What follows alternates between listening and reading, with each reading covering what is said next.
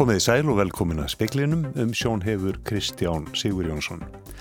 80.000 skamtara bóluefni frá Pfizer og BioNTech koma til viðbótar þeim 170.000 skamtum sem Íslands stjórnvöld hafa þegar samið um.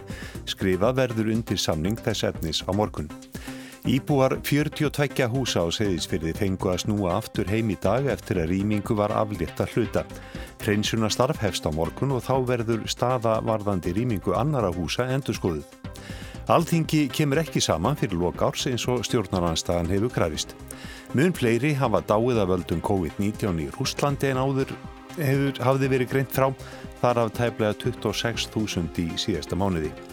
Almenn komu gjöldi í heilsugæslu lækka um 29% um áramót, börn, öryrkjar og aldraðir greiða ekkert fyrir komuna.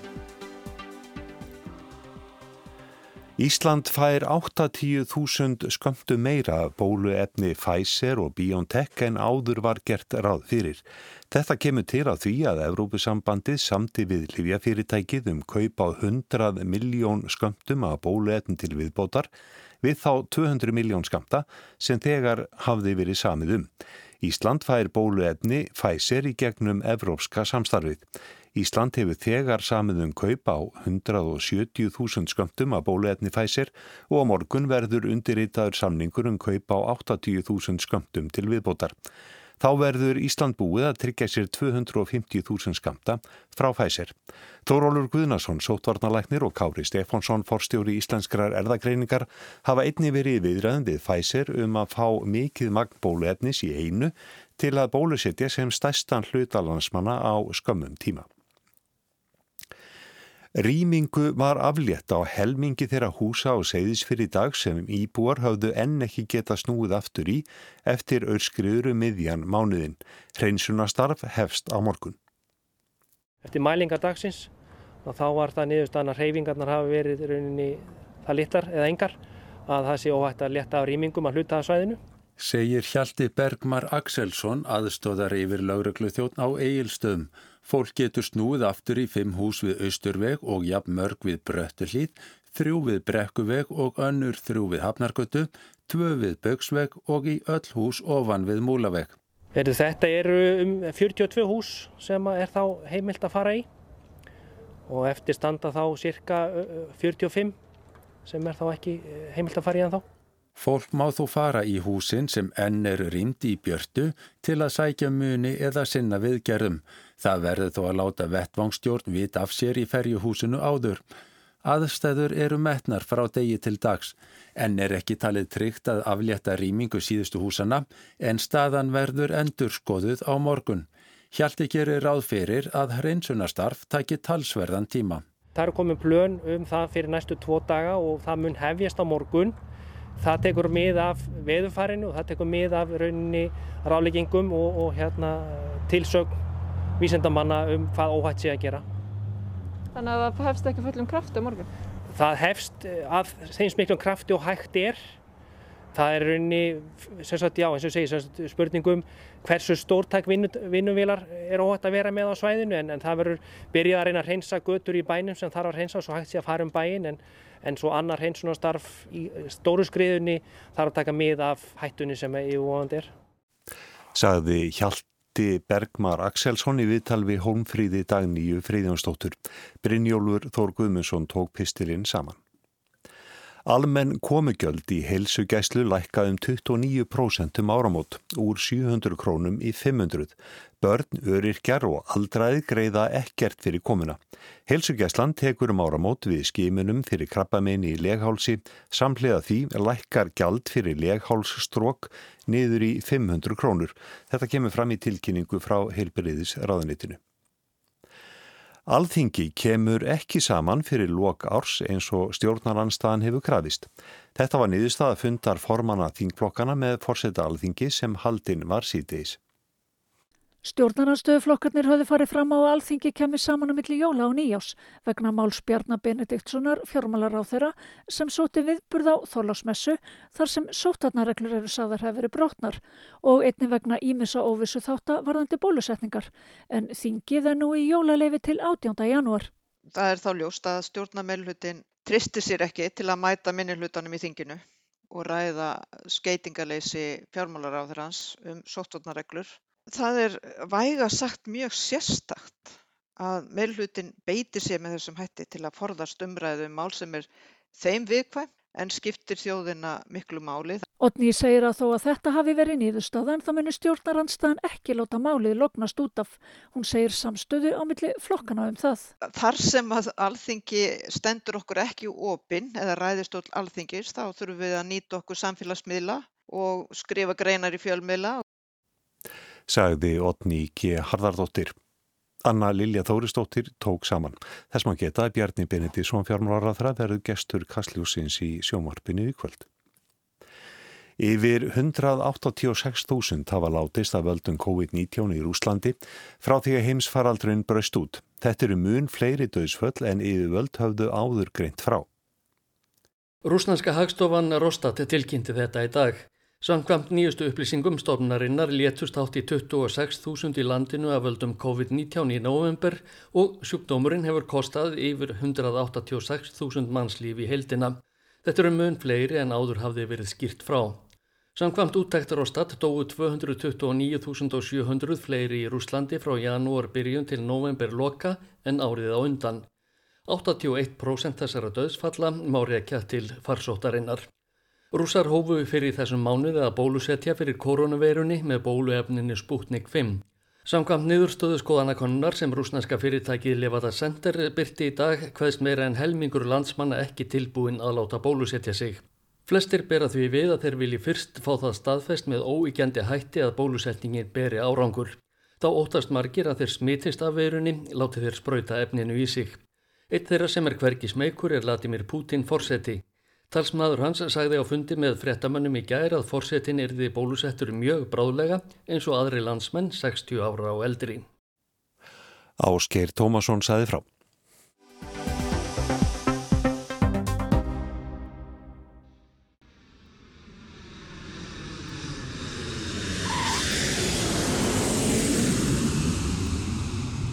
Flugvél með 10.000 skömmtum af bóluefni Pfizer og BioNTech lendi á Keflavíkurflugvelli í morgun.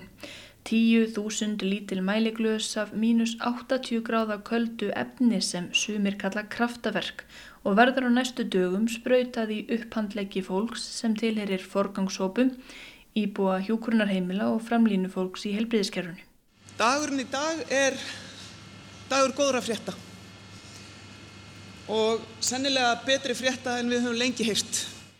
Bóluefnið á sér aðeins nokkura mánada sögu. Síðastlið vor var það hvergi til nema þá kannski í kollum vísindamanna. Vísindamanna eins og Katrín U. Janssen sem stýrir bóluefnasviði Livjarísans Pfizer sem er með höfustöðvar í New York. Í samtali við bandaríska fréttaskýringa þáttinn 60 mínútur rifjaði Janssen upp hvernig henni leið þegar neyðar ástand ríkti í New York borg í vor. Hún fór út að ganga með hundin og sá vörubíla með fristigáma raða sér utan við sjúkrahúsin. Gámar fyrir lík því fólk dóju í rönnum. Þessi sín jók á lungunennar til að finna bóluefni. Hún gat reynlega ekki hugsaði um mannað. Morgs, right. That was absolutely... Uh, fueling the desire to come up with, with the vaccine no matter what it takes. This was kind of personal. I took this very personally. I wanted to fight it, beat it, fight it down. It was, uh, nothing else mattered. Forstjóri Pfizer sagði starfsfólki sínu að það gæti litið svo á að það hefði opinn tjekka. Það ætti ekki að hugsa um hagnað, bara þróa bóluefnið, sama hversu djúft þyrta seilast í vasa fyrirtækisins. Janssen segir að stundum tali fólk um að bóluefnið hafi verið kraftaverk en í hennar huga sé svo ekki. Kraftaverk er eitthvað sem bara gerist upp úr þurru. Þetta var ætlunarverk, þauðl skipulagt. Pfizer gerði þetta ekki eitt. Hjónin Ugur Shahin og Özlem Turetsi eiga þíska líftækni fyrirtækið BioNTech. Fyrirtækið hefur verið leiðandi í þróun svo kallarar mRNA-tækni og byrjaði snemma í voru að þróa bóluefni, það fyrsta sem byggir á þessari tækni. Hjónin áttuði sig fljótlega á að þau þurftu aðstóði við að koma efninu út af tilraunastofunni. Áður höfðu unni verkefni með Pfizer og ringdu því Katrín Janssen sem hafði ymmit verið að hugsa um að taka upp tólið sjálf. And she said, Ugo, why are you calling me? And I said, Katrin, we started to make a vaccine against COVID-19. I wanted to ask you if you think that Pfizer would join us. And she said, of course, Ugo. Actually, I wanted to call you. Bóluefnið fekk á dögunum markaðslefi í Evrópu og í gær hófi margar Evrópuþjóðir að bólusetja sitt fólk. En vitum við allt sem við þurfum að vita um bóluefnið? Ég hitti Magnús Gottfredsson, smittsjúkdómalækni í skrifstofubyggingu landsbytalans við Skaftalíði Reykjavík, en þar á einmitt að byrja að bólusetja heilbreyðistarsfólk á morgun. Magnús var að vonum ánaðu með tíðindi dagsins, það var kannski ekki búist við bóluefni svona snemma og nú eru ótal fyrirtæki búin að þróa efni eða langt komin með það. Deldu þau einhverjum upplýsingum sín á milli eða náðu þau bara öll að leysa gátuna á þessum stutta tíma? Það hefur einkjent eh, allt þetta þróunarferli að eh, upplýsingar hafa verið gerðar aðgengilegar og það hóst með því að kynverjar deildu upplýsingum varðandi erðamengi þessara veiru strax í janúar. Í raun og voru bara örfáum dögum eftir að veiran fannst fyrst og uh, þetta var gert ofinbert þannig að það var að taka við þessu kefli og það gerði það margir og hefjast handa við að hanna bólefni á grundvelli þessara upplýsinga og þann, þannig var tóninn slegin í raun og verið í upphafi að þessum upplýsingum var deilt og síðan uh, hafa menn uh, deilt reynslu sinni og þekkingu uh, þvert á fyrirtæki og, og hafa líka fengið náttúrulega ríkulegan fjárstöðning úr ofinbjörn sjóðum viða um heim til þess að gera það. Nú eru 10.000 skamtar komnir til landsins af bóluöfni Pfizer BioNTech. Það dugar til að bólusetja 5.000 manns en hver þarf að fá tvær spröytur. Millir spröytana tveggja eða líða þrjár vikur. Magnús segir að svo virðist sem verndandi ónæmis svar komi fram strax eftir fyrsta skamtin en að viku eftir setni spröytuna eigi fólk að vera komið með fulla vend. Talið er að 95% þeirra sem fá bóluefnið fái vörn gegn korunverunni. Það þýðir þó að af hverjum þúsund eru 50 sem fá ekki vend. Stendur til að mótefnamæla fólk eftir á til að kanna hvort að hafi sannarlega fengið vendina. Það er nú ekki gert ráð fyrir því að það, sem allavega hluti af þessu bólusetningar átaki. Eh, en þessi vernd sem við erum að tala um hér telst vera mjög góð í eh, bólusetningar fræðunum hvorki liv nýja bóluefni eru algjörlega 100% eh, hvað, hvað þetta varðar en þarna er virkni bóluefni sinns alveg gríðarlega mikil og, og herri heldur en að væntingar stóðu til. Það þarf að bólusittja um 60-70% þjóðarinnar til að ná fram hjarð ónæmi. En hversu lengi veitir bóluefnið vernd eða ónæmi? Er hægt að skjóta það? Nú er það í raun og veru algjör ágiskun. Eh, ef marka má það hversu kröftugt ónumisvarið er og við veitum það að uh, þetta bólefni, erna bólefni sem umræðir uh, framkallar uh, frumubundið ónumisvar með minnisfrumum að þá ætti fræðilega séð að vera til staðar ónumisminni sem að geti varaði í einhver ár. Það er kannski bjart sín skoðun en, en hún byggir á, á þessari þekkingu sem að þegar er komið fram en, en endalegt svar fáu ekki nema með því að fylgja fólkinu eftir. Uh, nú verður fólk oft svolítið lasið eftir að það er eins og influensu bólusetningu. Getur fólk, fólk, getur fólk sem er með vikt ónumiskerfi reynilega að fengi COVID af bólefni?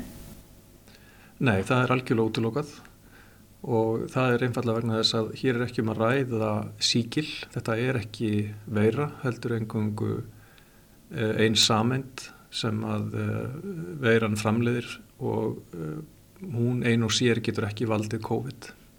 En þurfa þeir sem að hafa fengið COVID að láta bólusetja sig? Til að byrja með að þá er það uh, ekki svo. Uh, tíðni endursmits með þessari veiru er mjög lág og við vitum að það hafa verið örf á dæmi um slíkt En jafnvel í þeim tilvellum þar sem að fólk hefur greinst í tvígang með veiruna þá hefur jafnan setnisíkingin verið mild og, og uh, áhættan er gríðilega lítil þannig að það væri kannski ekki góður ástöfun á þessum tímum sem við lifum núna og með mjög uh, takmarkað magn af, af bólefni Nú hefur nokkuð stór þáttur í dreifingu COVID-smita verið sá að einkennarleysir geta smitað. Kemur bóluefnið í veg fyrir að fólk síkist af veirunni eða kemur það einungis í veg fyrir að fólk veikist? Það er stóra spurningin. Það er ekki vitað ennþá. Þannig að við vitum að, að bóluefnið kemur í veg fyrir að fólk uh, veikist og greinist með COVID-sjúkdóm en hvort að það getur smitast og borið veiruna áfram það er enþá óljóst en flestir verðast gera ráð fyrir því að, að, eh, að með því að bólusetja þá rjúfum við smittkeðjuna. Magnús segir að sér lítist vel á bóluöfni Pfizer og BioNTech. Það hafi verið rannsakað vel, rannsóknirnar hafi verið byrtar og komist gegnum öll nálarögu eftirlitsaðila. Eftirlitstofnanir hafa ekki lokið við að fara yfir öll gögnum bóluefni AstraZeneca og Moderna og þurfa að fá heildar yfir sín til að geta skori betur úrum ágætti þeirra. Arnhildur Haldanadóttir tók þennan pistil saman og talaði við Magnús Gottfreðsson.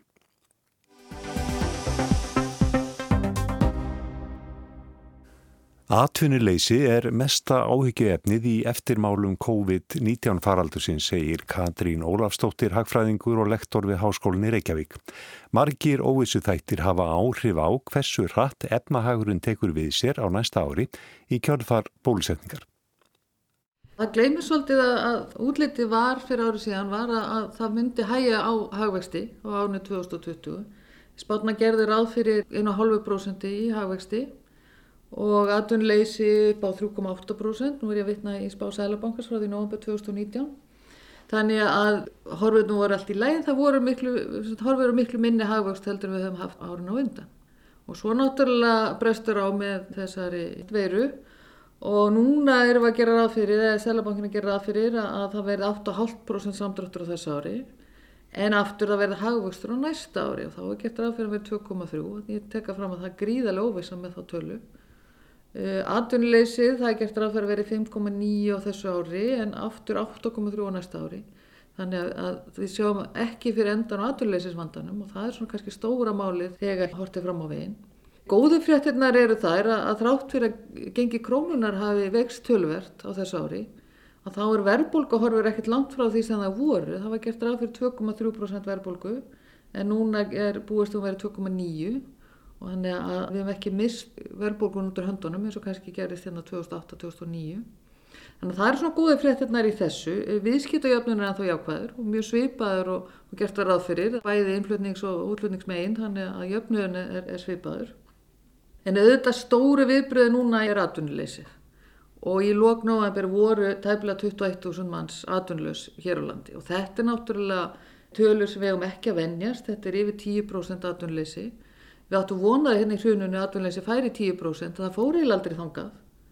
Þannig að þetta er svona stóra hlutinu og, og breytingi frá því fyrir árið síðan er eiginlega svo við getum tekið töluna þá á markvalda með 2,5. Þetta er alltaf mismunandi eftir landsveðum. Suðunesin hafa komið vest út, alveg klárlega, það er atvinnleysi yfir 20% og það er staðan svo að einna hverjum fimm kallmönnum er atvinnlaus en eina hverjum fjórum konum þannig að þarna er náttúrulega gríðalegu vandi fyrir hendi. Hér á höfuborgarsvæðin eru bara svipað og landið í hild, réttumlega 10%. En þá erum kannski komin að því að þetta lendir á mjög mismunandi hópu og það er ungt fólk, 25-35 ára sem er stórun hluta atvinnulust. Stærstu hóparnir meðal atvinnulustra eru aldrum 25-35 og þannig er eitthvað sem við þurfum að horfa á til framtíðar vegna þess að það hafa rannsóknir sínt að þeir sem eru atvinnuleysir í byrjun starfferils margir ná sér aldrei á stryk eftir það. Þannig að þarna er hópur sem við þurfum að halda svolítið betur þetta. Ráðstafanir stjórnvalda þarna á sínum tíma í vor voru þær réttar?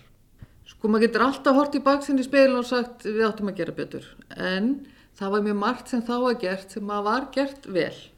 Það að hlutabótalegin kom inn svona fljótt það var bara mjög gott skref. Og það er rauninni gerist hraðar heldur en ég átti vona á kannski hún hefur kannski ekkert að virka rosalega vel í dag hún gerði það þá. Síðan eru svona þessir uppsagnarstyrki sem voru mjög umdildir það mátti kannski skýra betur hugmyndafræðin á bakvið þá. En síðan eru svona ákveðin atriði eins og lækkun á tryggingagjaldi sem er svona almenn aðgerð.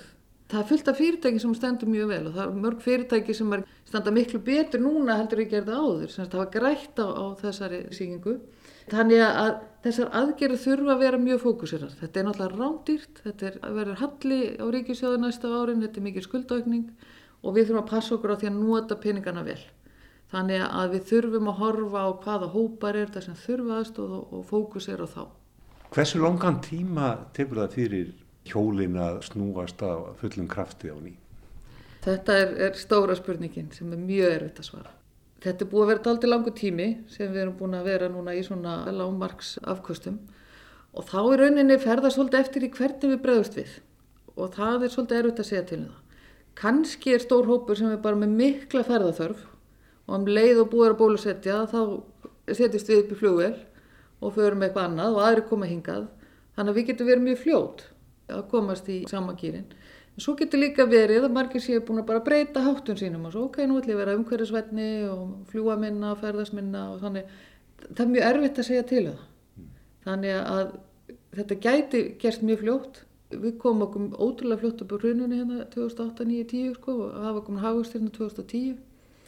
Þannig að kannski verður allt koma fullt hérna mitt ár, kannski ekki og þetta er í rauninni mjög erfitt að segja. Þetta hangir alltaf því hvernig við bregðast við. Þú myndist þarna á hrunið fyrir eh, rúm tíu árum. Er eitthvað sambarlegt að gerast núna eða er þetta gjörólíkt? Þetta er gjörólíkt. Þetta eru alltaf aðri hópar sem er að lenda núna í vanda. Afmarkaðri hópar. Þá vorum ég margir sem lendi í skuldavanda út af verðbólkunni og öðru. Nú er það ekki að gerast. Vextir er að lækka þannig að fólk er frekar að skuldsetja sig á ásetturraði heldur en að skuldarna sé að vaksa en aftur á móti eru þarna ákveðnir hópar sem eru illastattir, þeir sem eru atvinnuleysir og kannski litla vonum atvinnu. Þetta eru ófaglæðir að stórun hluta, þetta eru innflytjendur, þetta eru konur. Þetta eru afmarkar hópar sem þarna eru. Flest okkar erum bara á sama stað svona efnaðslega, vil betur setta því að við erum ekki að fara í frí og svo les þannig að þetta er allt, allt annars aðlis sagði Katrín Ólafstóttir Hagfræðingur.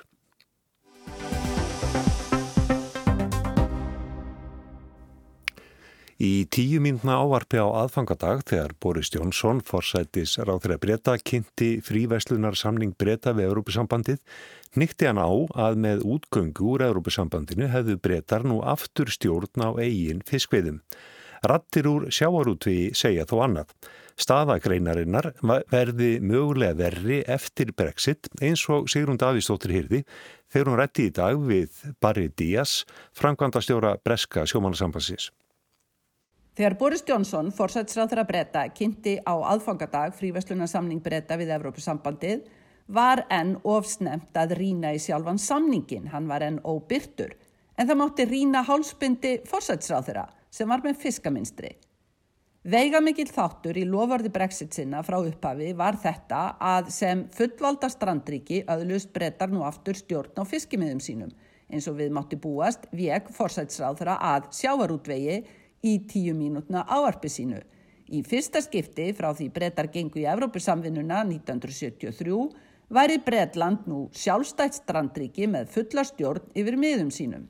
And for the first time since 1973 we will be an independent coastal state with full control of our waters. Bóðskapur fórsætsráð þeirra var að abla hlutur breyta í breskri lögsögu myndi aukast frá um helming sem nú er til næstum tveggja þriðjur hluta eftir 5,5 ár. After which there is no theoretical limit beyond those placed by science or conservation on the quantity of our own fish that we can fish in our waters. Eftir þennan aðlunartíma eru engin fræðileg takmörk umfram takmörk vísinda og verðarsjónamiða á því sem við getum veitt á eigin miðum, sagði fórsætsráð þeirra. Ríkistjórnin hyggst leggja sjáarplásum til 100 miljónir punta til að auðvelda þeim að nýta tækifærin eftir aðlunartíman. Gaggrínin hefur þó ekki látið á sér standa, 100 miljónir dróp í hafið og það sem vantaði í kynningu fórsætsráð þeirra og fiskveði tal brexit sinna almennt er að kvóti er eitt aðgengi að mörguðum annað. Án markaðar dugir lítið að veiða fisk. Samkvæmt nýja samningnum getur ESB lagt totla á breskar sjáarafurðir ef brettar taka sér kvóta eftir aðljónatíman umfram það sem semstum.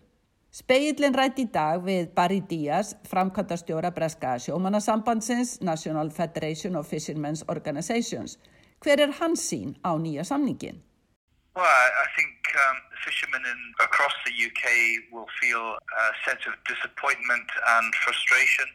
We had been led to believe that um, as a coastal state uh, under UN law of the sea, uh, a new era would begin as we left the EU and the common fisheries policy. Díaz sagði breska sjómen heldur, vonsvikna og örvendingarfulla. Þeim hefði verið talin trúum að sem strandríki undir hafréttar sáttmála saminuð þjóðana myndi nýr tími hefjast þegar breytar yfirgefu ESB og fiskveði stefnu þess. Gætu þá gengið að megninu af því sem fiskast í breskri efnahagslöksugu. En nei, segir Díaz, svo er ekki raunin. Samningurinn veitir ESB aðgang jafnvel að miðum á milli 6 og 12 mína lögsögu og kvótaukningin er í bestalagi smávægileg. So we feel that we've, um, uh, despite all the assurances that have been given by our government that uh, we would see uh, a new deal, a fairer deal, a, balanced deal on fisheries, all of that has been to naught. Svo okkur finnst, segir Díaz, að þrátt fyrir að ríkistjórnin hafi fullvisað okkur um nýjan fiskveðisamning, bæði sangjarnari og jafnari, þá hafi það allt verið til einskis. Hluti af samningsumbóði ESB var frá upphafi að frífastunarsamningur væri háður því að það semdist um fisk. Á endanum neyti stjórnin til að lúfa, segir Díaz, fórna hagsmunum sjáarútvegsins rétt eins og gerðist þegar brettar gerðust aðilar að Evrópusamvinnunni 1973. Hann segist þó ekki trúa því að stjórnin hefði verið með allir þessi lovorð og fullirðingar ef hann hefði haldið að nöðsynlegar málamiðlanir yrðu svona slæmar fyrir sjáarútvegin. I think it would be very, uh, would have been impossible for the government to have made the promises and assurances that were made if it thought that the compromise that would uh, emerge at the end was so bad for fishing. Það var þó alltaf ljóst að kvótin einn digði skamt ef ekki fylgdi aðgengi að Evrópumarkaði. Spurningin er því hvort loford um kvóta var ekki alltaf án innstæðu, ekki síst af því ESB var mjög meðvitað um mikilvægi Evrósmarkaðar fyrir breska sjárútvegin. Díaz segir að forsætsráþara líkt og aðri ráþarar og samningamenn breyta hafi trúað á viðunandi málamiðlun í þeim efnum. Uh, but in fact, uh, the compromise that has emerged means that in certain terms of quota shares and access arrangements, uh, very little has, has changed, very, very little. En í raun þá varð málamiðlunni svo að lítið ávannst varðandi kvóta afar, afar lítið, segir Díaz.